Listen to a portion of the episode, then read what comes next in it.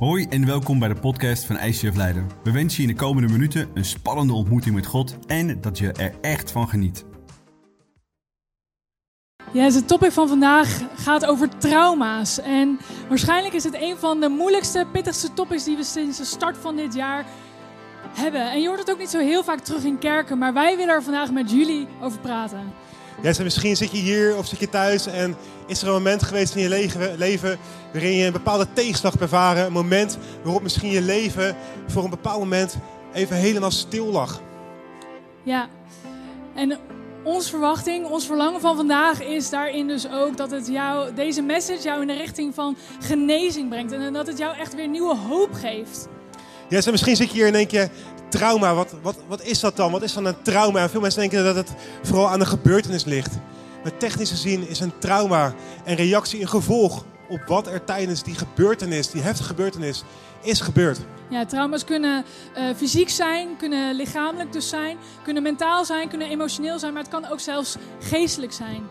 Ja, het is goed om te weten dat ook de wonden die je niet ziet, zoals een trauma, net zoveel pijn kunnen doen als de wonden die je wel ziet. En de wonden die je niet ziet, die hebben vaak nog langer de tijd nodig om te genezen. Ja, misschien ben je wel eens een keer in een kerk geweest of heb je met andere christenen jouw verdriet, jouw pijn gedeeld. En dan is er misschien één christen geweest met heel veel goede bedoelingen die dan naar je toe komt en zegt, Fijke, Romeinen 8 vers 28, want daarin staat... Eén ding weten wij, voor wie hem lief hebben, laat God alles meewerken voor hun best wil, want hij heeft een plan met hen. Dus komt wel goed. Het is een krachtige waarheid, een belangrijke waarheid. Zeker iets om misschien wel uit je hoofd te leren. Zeker. Maar het is misschien niet altijd datgene waar je op dat moment op zit te wachten. Want misschien eh, voel je, ben je nog in shock. Voel je, voel je op dat moment gewoon even helemaal niks. Zit je misschien nog zwaar in de ontkenning. Word je overweldigd door angst. Ja, en het trauma, het topic van vandaag, daarin willen we jullie meenemen en om dat ook goed te doen, gaan we daar eerst even voor bidden. Dus uh, let's go. Ja, yes, Jezus, dank u wel dat u hier vanochtend bent. Dank u wel dat we het allemaal van u mogen verwachten. Jezus, we willen bidden dat u vandaag het onmogelijke gaat doen in ons leven. Dat we mogen afrekenen met pijn, met trauma. Jezus, bedankt dat u hier bent. Bedankt voor uw onvoorwaardelijke liefde. Amen. Amen. Yes, en trauma is niet iets waar je zomaar eventjes overheen komt. En ik weet niet of je de uitspraak wel eens kent. Voor ja, daar word je hard van.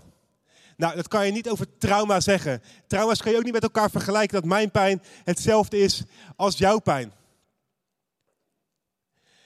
En ik wil je zo meteen uitleggen wat dan die trauma's zijn, wat de drie verschillende soorten trauma's zijn, om vervolgens met elkaar de Bijbel in te kunnen duiken en God het onmogelijke te gaan vragen en genezing na te streven. Allereerst hebben we een acuut trauma, hebben we een chronisch trauma en we hebben een complex trauma. En een acuut trauma is een, gevolg, een reactie op een eenmalige gebeurtenis. Misschien zit je hier, heb je misschien een auto-ongeluk meegemaakt. Of heb je misschien een natuurramp meegemaakt. Of misschien een explosie zoals laatst in Rotterdam meegemaakt. Een schietpartij meegemaakt. Misschien ben je een keer in elkaar geslagen tijdens de uitgaan. Of heb je een aanranding of een verkrachting meegemaakt. Het was een gevolg, een reactie op een eenmalige gebeurtenis. En we hebben ook een chronisch trauma. En een chronisch trauma is het gevolg en reactie van langdurige, aanhoudende gebeurtenissen. Misschien ben je opgegroeid in een gezin waar er alcohol en drugsmisbruik was. Misschien de mensen die voor jou hadden moeten zorgen, hebben je misschien misbruikt, mishandeld als kind zijnde. Misschien ben je door je hele schoolperiode gepest, heb je heel je leven lang te maken gehad met racisme. Chronisch trauma, langdurige, aanhoudende gebeurtenissen. En als laatste hebben we een complex trauma. En een complex trauma verwijst vaak naar het chronische trauma. Alleen bij een complex trauma zie je vaak dat het al start tijdens de kindertijd. En wat je daarin ook hebt meegemaakt, welk trauma je ook hebt ervaren. Het heeft jouw gedrag, het heeft jouw perspectief, jouw kijk op de wereld veranderd, op het leven veranderd, op de mensen om je heen veranderd. Misschien heeft het je kijk wel op God veranderd, of op hoe je jezelf ziet. Misschien uh, vertrouw je mensen niet meer, omdat de mensen die vroeger voor jou hadden moeten zorgen, hebben jou pijn gedaan. En kan je daardoor niet meer God als liefdevolle vader zien en vertrouwen. Misschien durf je niet meer uit te gaan, omdat het je doet herinneren aan die keer dat je in elkaar werd geslagen. Misschien durf je niet meer te gaan slapen, omdat je van tevoren al weet dat je weer die nachtmerries gaat hebben. En dat die gebeurtenis weer gaat herbeleven. Misschien durf je niet meer uh, om aangeraakt te worden omdat je vroeger bent misbruikt. Is een knuffel, is al bijna te veel gevraagd. Misschien ben je constant alert en durf je niet eens je rug naar iemand toe te keren omdat er vroeger iets is gebeurd. Het heeft gevolgen op jouw gedrag en op jouw perspectief op dit leven. Maar hoe genezen we dan van trauma? Dat is de belangrijkste vraag van vandaag en die willen we jou gaan beantwoorden. En we gaan vandaag kijken naar een heel sterk Bijbels persoon. Een persoon waarvan je misschien niet gelijk zou denken of verwachten dat hij getraumatiseerd was. Het is een echte geloofsheld. En we gaan kijken naar het leven van Paulus. En Paulus was meerdere malen getraumatiseerd, acuut getraumatiseerd, chronisch getraumatiseerd, wat hij heeft meegemaakt. Wauw. Maar het belangrijkste is dat God hem van genezing heeft voorzien. En dat gaan we vandaag ontdekken. We willen naar die genezing streven die God ons kan bieden. Nou, het is goed om te weten wie Paulus was, voordat hij Paulus werd. Want voordat hij Paulus heette, heette hij Saulus. En Saulus was een echte Jood. Was een schriftgeleerde, opgegroeid met hele sterke opvattingen. Heel religieus. En Saulus was ontzettend uh, gepassioneerd als het ging om het vermoorden van iedereen die niet leefde volgens de Joodse wet. En Jezus als hun verlosser zag. Maar er kwam een moment in zijn leven dat de bekering plaatsvond. Alleen die bekering was al een trauma op zichzelf. Laten we lezen wat er gebeurde in zijn leven. Toen hij, Saulus, onderweg was met zijn mannen naar Damascus en Damascus naderde, werd hij plotseling omstraald door een licht uit de hemel. hij viel op de grond. Het licht deed pijn aan zijn ogen. Hij zag niks meer. Op het moment dat hij zijn ogen opendeed, was hij blind en hij hoorde een stem zijn naam roepen. Saul, Saul, waarom vervolg je mij? Dus hij was met zijn mannen onderweg naar Damascus.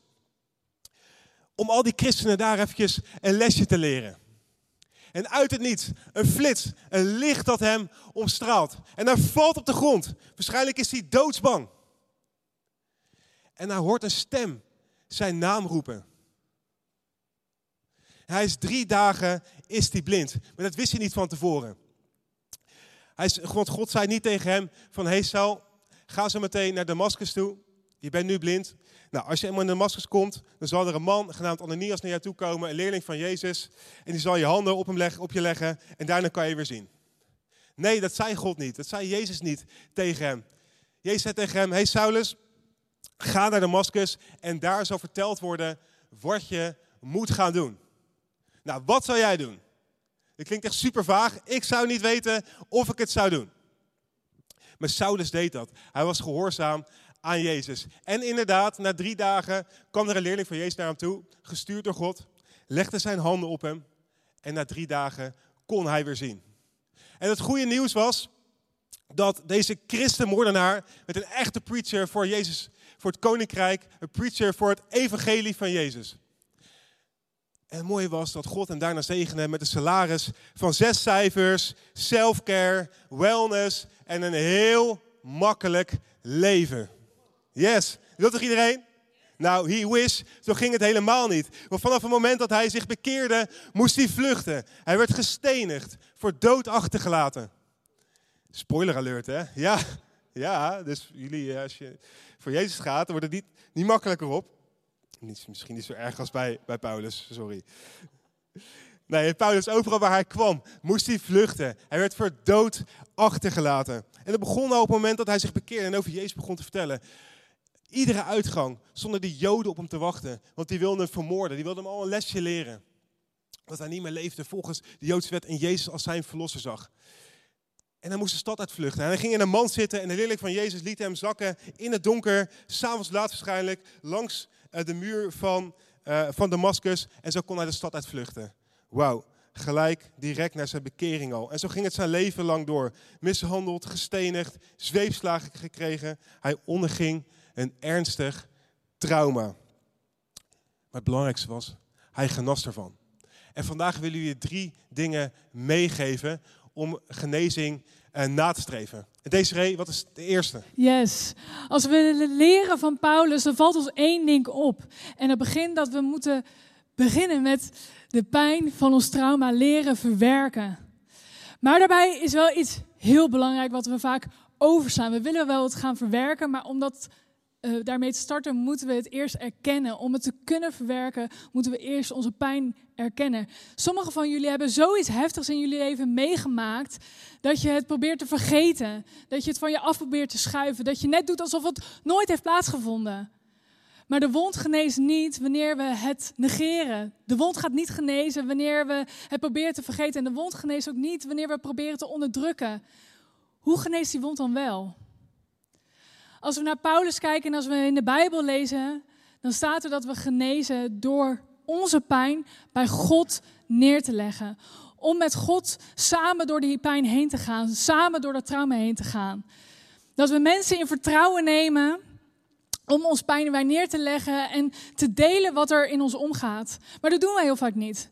We zijn misschien bang om het te delen. We voelen ons, wanneer we ons openzetten, voelen we ons misschien hulpeloos en heel erg kwetsbaar. En we zijn bang voor de meningen, we zijn bang voor wat voor pijn dat, dat op gaat roepen en door wat voor periode je dan weer heen gaat. Maar het is simpelweg niet de manier hoe we genezen. In plaats van verbinding te zoeken, geven we prioriteit aan bescherming. We proberen onszelf op een of andere manier te beschermen. We proberen misschien andere mensen ook wel te beschermen. Voor de tranen, voor de pijn, voor de reactie die we misschien geven. Maar nog meer hebben we een soort van waanbeeld dat we onszelf misschien daarmee verder kunnen helpen. Door het voor onszelf te houden. Maar we genezen gewoon simpelweg niet op die manier. In de Bijbel staat dat we verbinding moeten zoeken. En in deze kerk praten we heel veel over groups, over small groups en teamgroups. En dat is niet omdat we willen dat jij in je drukke agenda er iets bij krijgt. Maar het is juist dat we willen en dat we jou gunnen om in dat drukke leven van je juist iets anders te gaan doen, anders te gaan kijken, anders door het leven heen te gaan, anders met die trauma's in je leven, om daar doorheen te gaan, om anders met die pijn om te gaan.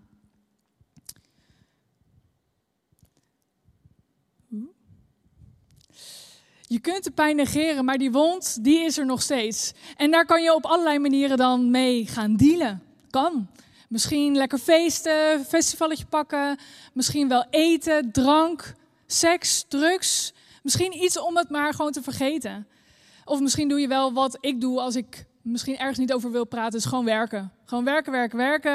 En dan hoef je niet te denken aan de dingen die eigenlijk best wel in de weg zitten. Misschien is dit wel herkenbaar voor jou. Maar Paulus heeft geleerd hoe hij daadwerkelijk zijn trauma kan leren, uh, hoe hij dat heeft verwerkt. En hij vertelt in een heel lang stuk wat hij allemaal wel niet mee heeft gemaakt. En dat lezen we in 2 Corinthians 11. En je kan het hele stuk thuis nalezen als je wil. Ik geef je gewoon een aantal hoogtepunten. Want daarin staat bijvoorbeeld dat hij vijf keer geslagen werd met de bekende 39 zweepslagen. Waarom 39? Ja, bij 40 zou je dood kunnen zijn. Dus als je in die tijd bij 39 slagen zou te komen overlijden, dan zou je zeggen, ja, nou ja, gewoon een pak slaag gekregen en helaas is dit de uitkomst. Maar bij 40 zou het moord zijn en daar hing wel wat anders van af. Vijf keer heeft Paulus dit ondergaan. Hij is gestenigd. Drie keer werd hij met stokken geslagen. Hij leed schipbreuk, stierf bijna van de honger. Hij was bijna bevroren. Overal waar hij kwam, liep hij gevaar. Maar dan zegt Paulus dit in 2 Korintiërs 1, vers 9. We waren er zelfs zeker van dat het doodvonnis al over ons was uitgesproken. Maar juist dat liet ons beseffen dat we niet op onszelf moeten vertrouwen, maar alleen op God die de doden opwekt. Het laat zien dat, dat, we, dat we inderdaad klein zijn, dat we inderdaad veel te voortduren hebben. Maar betekent ook dat dat niet het einde is. En ook lezen we al een beetje hierin dat Paulus ook nut zag in zijn pijn. Als jij ooit denkt dat je dus in een situatie bent of iets meegemaakt hebt dat je denkt, dit komt nooit meer goed, denk dan even aan Paulus. die twee derde van het Nieuwe Testament heeft geschreven en waar we zoveel wijsheden, wijsheden uit kunnen halen. Ik wil je aanmoedigen om het te gaan verwerken. Om met jouw pijn naar andere mensen die je kunt vertrouwen. Misschien is dat wel hier in deze kerk. Misschien is het dan een small group of een teamgroep. Of misschien een location pastor waar je deze message ook terugluistert. Of misschien kan je ook wel counseling gaan zoeken. Mensen die echt getraind zijn om jou verder te helpen in jouw pijn. Om iets te doorbreken wat je gewoon simpelweg niet alleen lukt. We gaan niet genezen als we het negeren. We moeten het erkennen en we moeten het verwerken met mensen die we kunnen vertrouwen. En het tweede wat we moeten leren is dat we het naar God toe brengen. Want als we één ding van Paulus kunnen leren, is dat hij het van zich afschreef. Hij praatte erover. Hij bond er geen, wond er geen doekjes over. En het was geen slachtofferrol van, kijk mij dit als allemaal meemaken, nu ben ik super zielig. Nee, hij wilde juist laten zien, ik weet waar je het over hebt. Ik weet dat het moeilijk is. Ik weet dat het uitdagend is. Maar ik, ik heb God. En als ik God aan mijn zijde heb, dan kan ik zoveel meer aan. We lezen in 2 Corinthians 12, vers 7, 8. Om te verhinderen dat ik mezelf zou verheffen, werd mij een doorn in het vlees gestoken. En misschien denk je een doorn, misschien zo'n klein roze, roze dingetje, zo'n doorn, dat zit een beetje in de weg. Bijbelgeleerden geven aan dat deze doorn echt iets is wat dwars zat.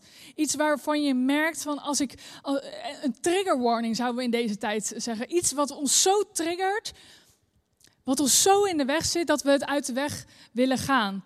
Misschien zit die doorn wel naast je of kijk je ernaar. Misschien ben ik het wel. Misschien is er iets dat je denkt van ach, Oh, oh, is het weer zover? Herkenbaar?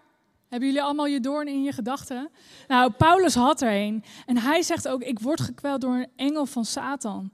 Ik heb de Heer drie maal gesmeekt ervoor te zorgen dat hij bij me wegging. En wat er soms gebeurt in de kerk, geen veroordeling, maar is dat we denken, oké, nu ga ik met mijn pijn naar God toe. En als ik dan nu ga bidden, dan gaat hij morgen een wonder doen en dan, dan is het voorbij.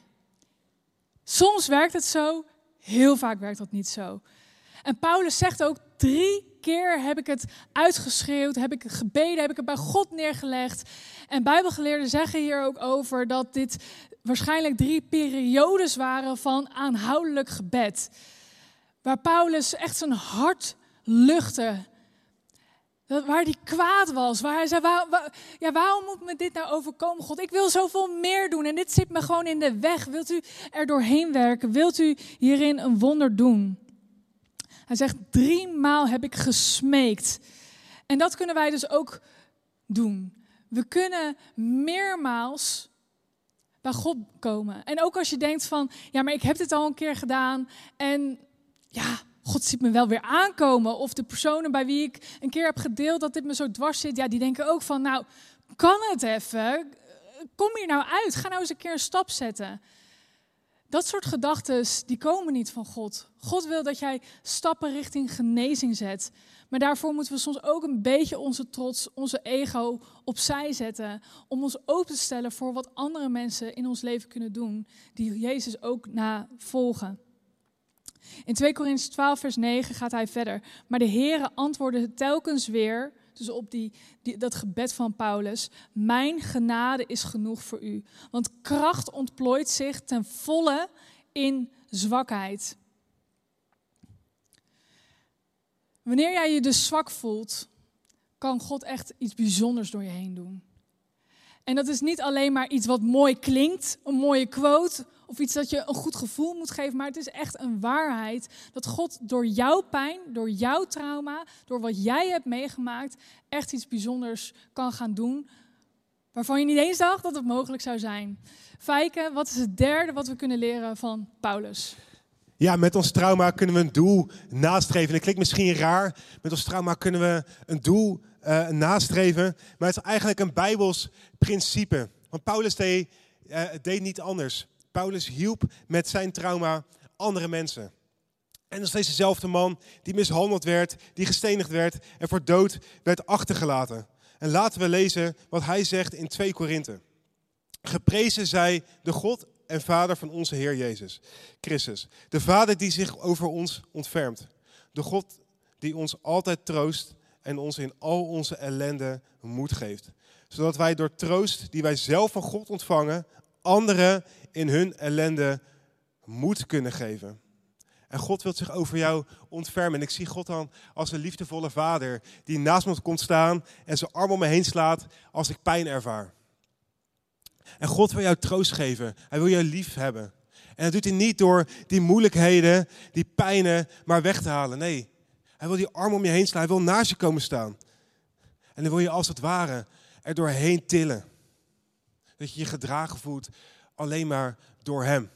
En op het moment dat jij die ontferming van God, die liefde, die troost gaat ervaren, dan zal dat een hele bijzondere uitwerking hebben. Want dan zal jij daarmee ook andere mensen kunnen gaan troosten. Dan zal jij met jouw trauma, met jouw pijn, andere mensen kunnen helpen. Er voor andere mensen kunnen zijn. Net wat Matthias vorige week zei. Er alleen maar hoeft te zijn voor iemand. Alleen maar die armen om hem heen slaan. Misschien de juiste dingen te zeggen. Of misschien gewoon helemaal niet. Jij kan mensen helpen met jouw trauma. En we, vandaag hebben we iemand uitgenodigd. Een Machteld, kom het podium op. Geef er een groot applaus. Die een ervaring van haar leven met ons wil delen.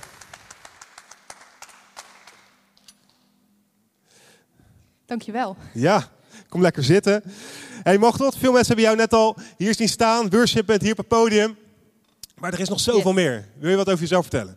Ja, nou, ehm, ik ben. Eh, inderdaad, ik worship hier op het podium. In het dagelijks leven ben ik docent, getrouwd met Johan. Die heb je misschien net een high five of een knuffel gegeven eh, bij de deur.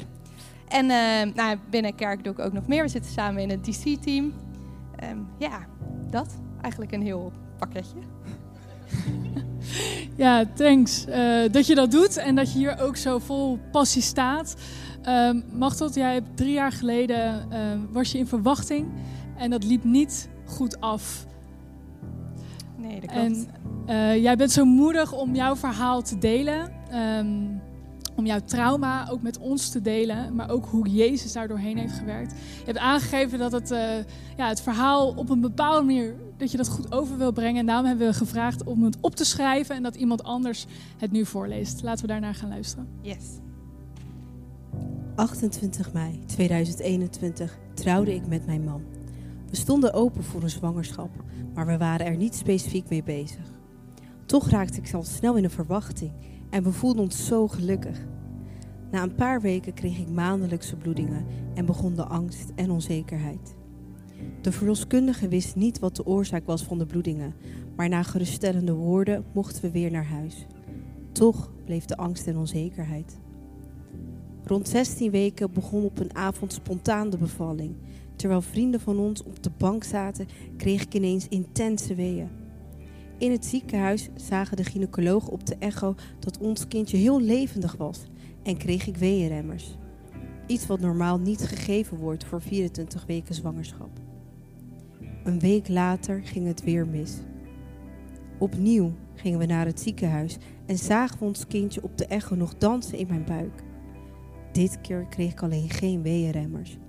Dit keer begon de bevalling echt. Acht uur lang was ik me niet bewust dat dit het einde van mijn zwangerschap betekende. Dat ik moeder zou worden, maar ook mijn kindje zou verliezen. Het was een verschrikkelijke ervaring. Noah is op 21 oktober 2021 om tien over negen 's avonds geboren. Ik heb hem mogen vasthouden en echt de eerste momenten samen kunnen doorbrengen. Op zo'n bijzondere moment ben je echt moeder, maar wel een moeder zonder levend kind. We kregen Noah mee naar huis en we hebben nog een paar dagen afscheid kunnen nemen. Maandag 25 oktober is Noah begraven. In eerste instantie was ik me niet heel bewust van wat er daadwerkelijk afspeelde. Vrienden kwamen langs en wisten ook niet wat te zeggen.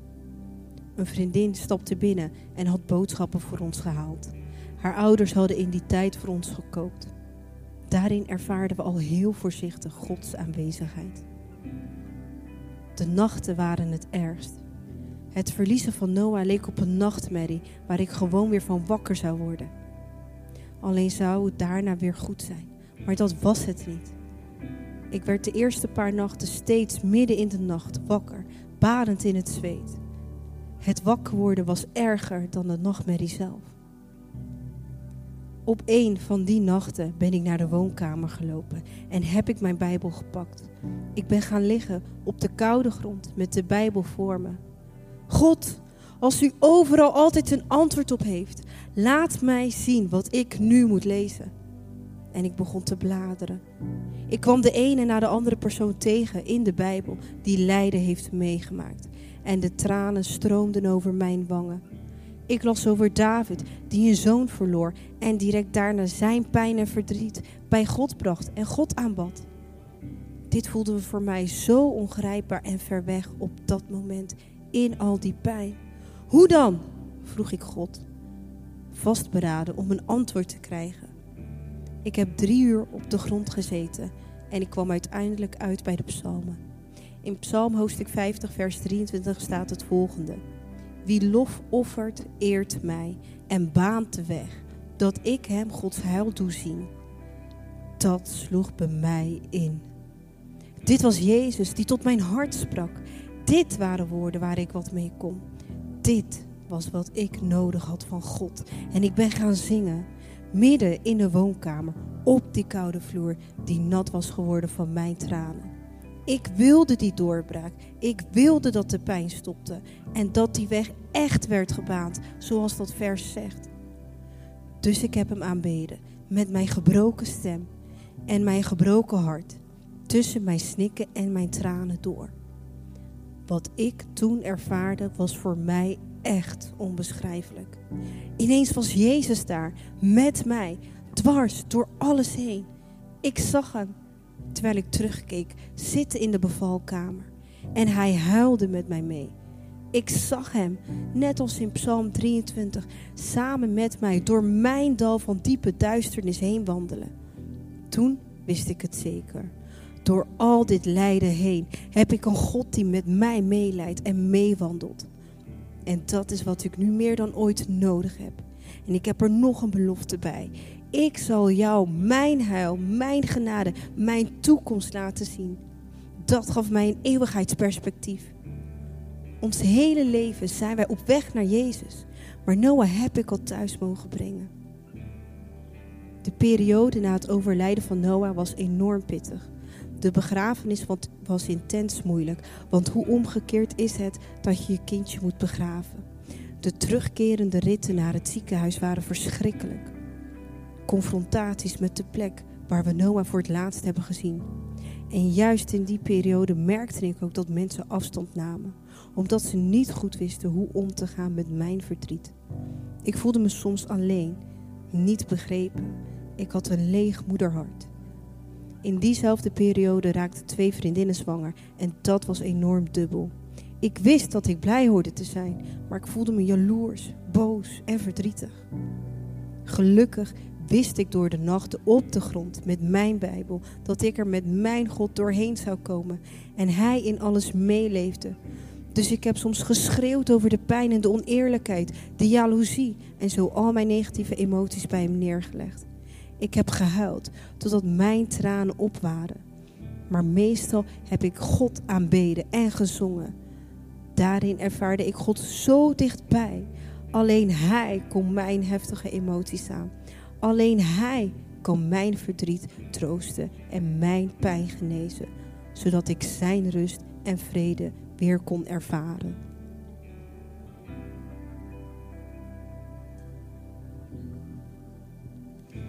Wauw, ja.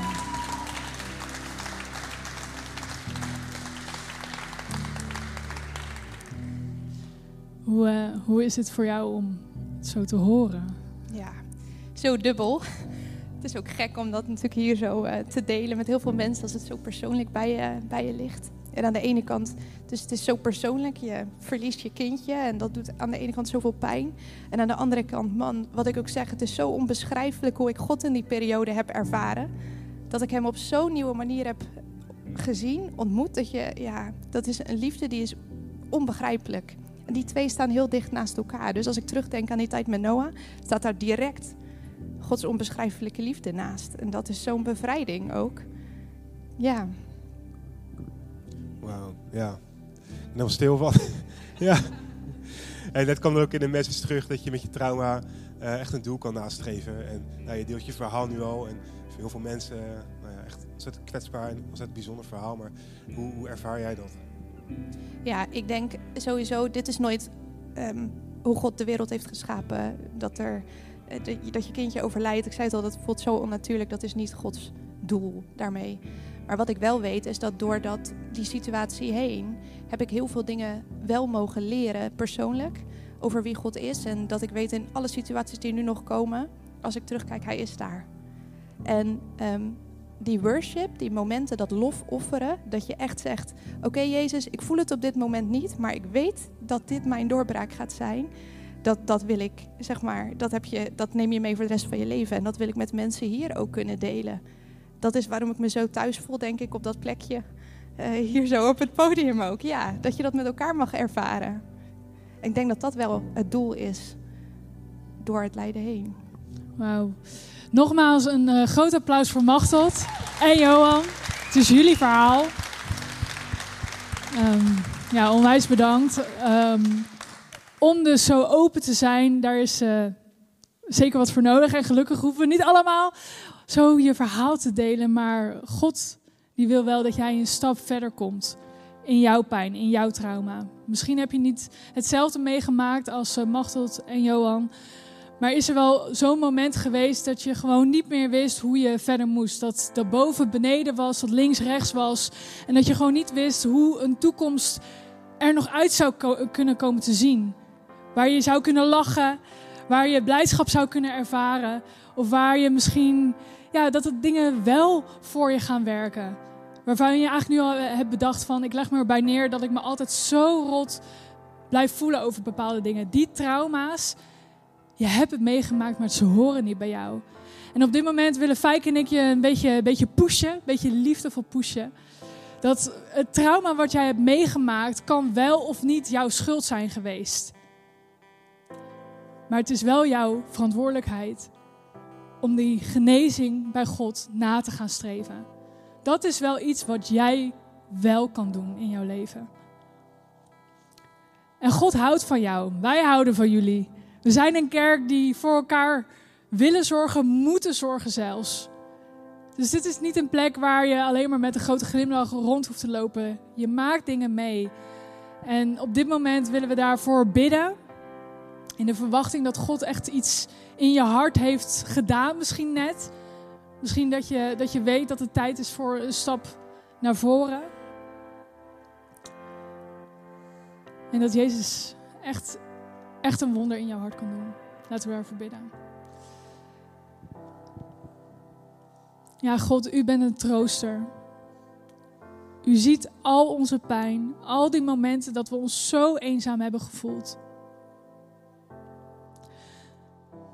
Dat we niet snappen waarom het ons moest overkomen. En misschien daarin nog die, die, dat we die pijn hebben ervaren van wat mensen er misschien over hadden gezegd. Dat we misschien ons overheen moesten zetten. Misschien ons niet zo moesten aanstellen. Of misschien verloop van tijd dat mensen geen interesse meer hebben getoond in de pijn die we hebben ervaren. God, ik wil u danken hoe u zo dichtbij Paulus was. Hoe u zo dichtbij bij Machteld was. En hoe u zo dichtbij bij mij bent geweest. Op al die momenten dat het misging. Dat u met tranen bij ons was. En vader, op dit moment willen we u uitnodigen. Dat die plek, die gedachten die we, die we hebben proberen te onderdrukken, die ik heb proberen te onderdrukken, dat u daar weer bij mag komen. God, ik wil u uitnodigen op die pijn, op die plek van pijn, op dat trauma. Omdat ik ook dat eeuwigheidsperspectief wil hebben. Waar dingen goed zijn, waar dingen hoopvol zijn, waar dingen volmaakt zijn. En ik wil dat stukje nu al hier ervaren in mijn pijn.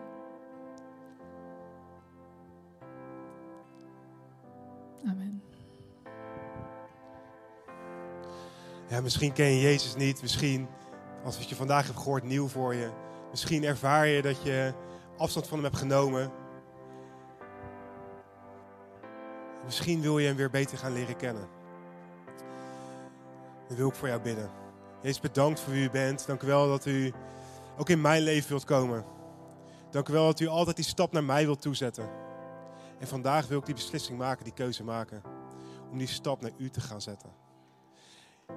Heer, want ik merk dat mijn situatie, mijn trauma, mijn pijn iedere keer weer naar, naar boven komen. Probeer het weg te stoppen. Meer te werken. Te feesten. Ik probeer het zelf op te lossen met dingen die eigenlijk niet goed voor mij zijn. Dus ik merk dat ik eigenlijk constant onrustig ben. Eens maar vandaag wil ik de keus maken om u beter te gaan leren kennen. Weten wat u kunt betekenen voor mijn situatie, voor mijn pijn. En ze bedankt dat ik het niet alleen hoef te doen. Dat ik samen met u mag doen. Bedankt ook voor deze kerk, dat er mensen voor mij klaar zo meteen staan. Klaar zullen staan. Om mij aan te moedigen. Mij te helpen in die reis. Om u beter te leren kennen. Dus ik wil het niet meer zelf doen. Ik wil het op uw manier gaan doen. Ik wil die genezing nastreven waar we het vandaag over hebben gehad. Ik wil die genezing hebben ontvangen die Paulus ook heeft ontvangen. Iedere keer als hij weer in die situaties belandde waarin een pijn werd gedaan. misschien zit je nu in een situatie waarbij je echt veel pijn voelt. Laat vandaag dan een dag zijn. Dat je echt mag gaan kiezen voor die onvoorwaardelijke liefde. Dat vervullende leven. Samen met Jezus. Zoveel mensen die hier in deze kerk zitten die ook ontzettend veel pijn hebben ervaren. Maar die hebben mogen ervaren hoe hun leven is. Samen met hem. En ik bid voor je dat je dat mag gaan ervaren. Als je zometeen die deur uitloopt. Dat je dan echt mag ervaren dat, dat Jezus bij jou is. Als je meteen op de fiets zit, terug naar huis gaat. Dat als het ware achter op de fiets zit. Jezus, bedankt voor wat u heeft gedaan. Voor mijn leven, dank u wel dat u voor mij aan het kruis bent gegaan. Voor al mijn pijn, voor al mijn schuld, al mijn schaamte. Dank u wel voor uw liefde. Amen. En zo meteen tijdens het volgende worshipblok zullen de mensen voor jou klaarstaan. Aan die kant. Ze hebben een keycord aan, dan kan je ze herkennen. En aan de kant bij het kruis. Mensen die voor jou willen bidden. En misschien ervaar je nu die pijn. Misschien ervaar je nu trauma. Misschien zit je in een situatie die ja, ontzettend uitzichtloos lijkt. Heb je misschien een gebroken hart, stress, wat voor gevoelens dan ook. Hoe mooi zou het zijn om vandaag die keuze te maken. Om dat met iemand te gaan delen.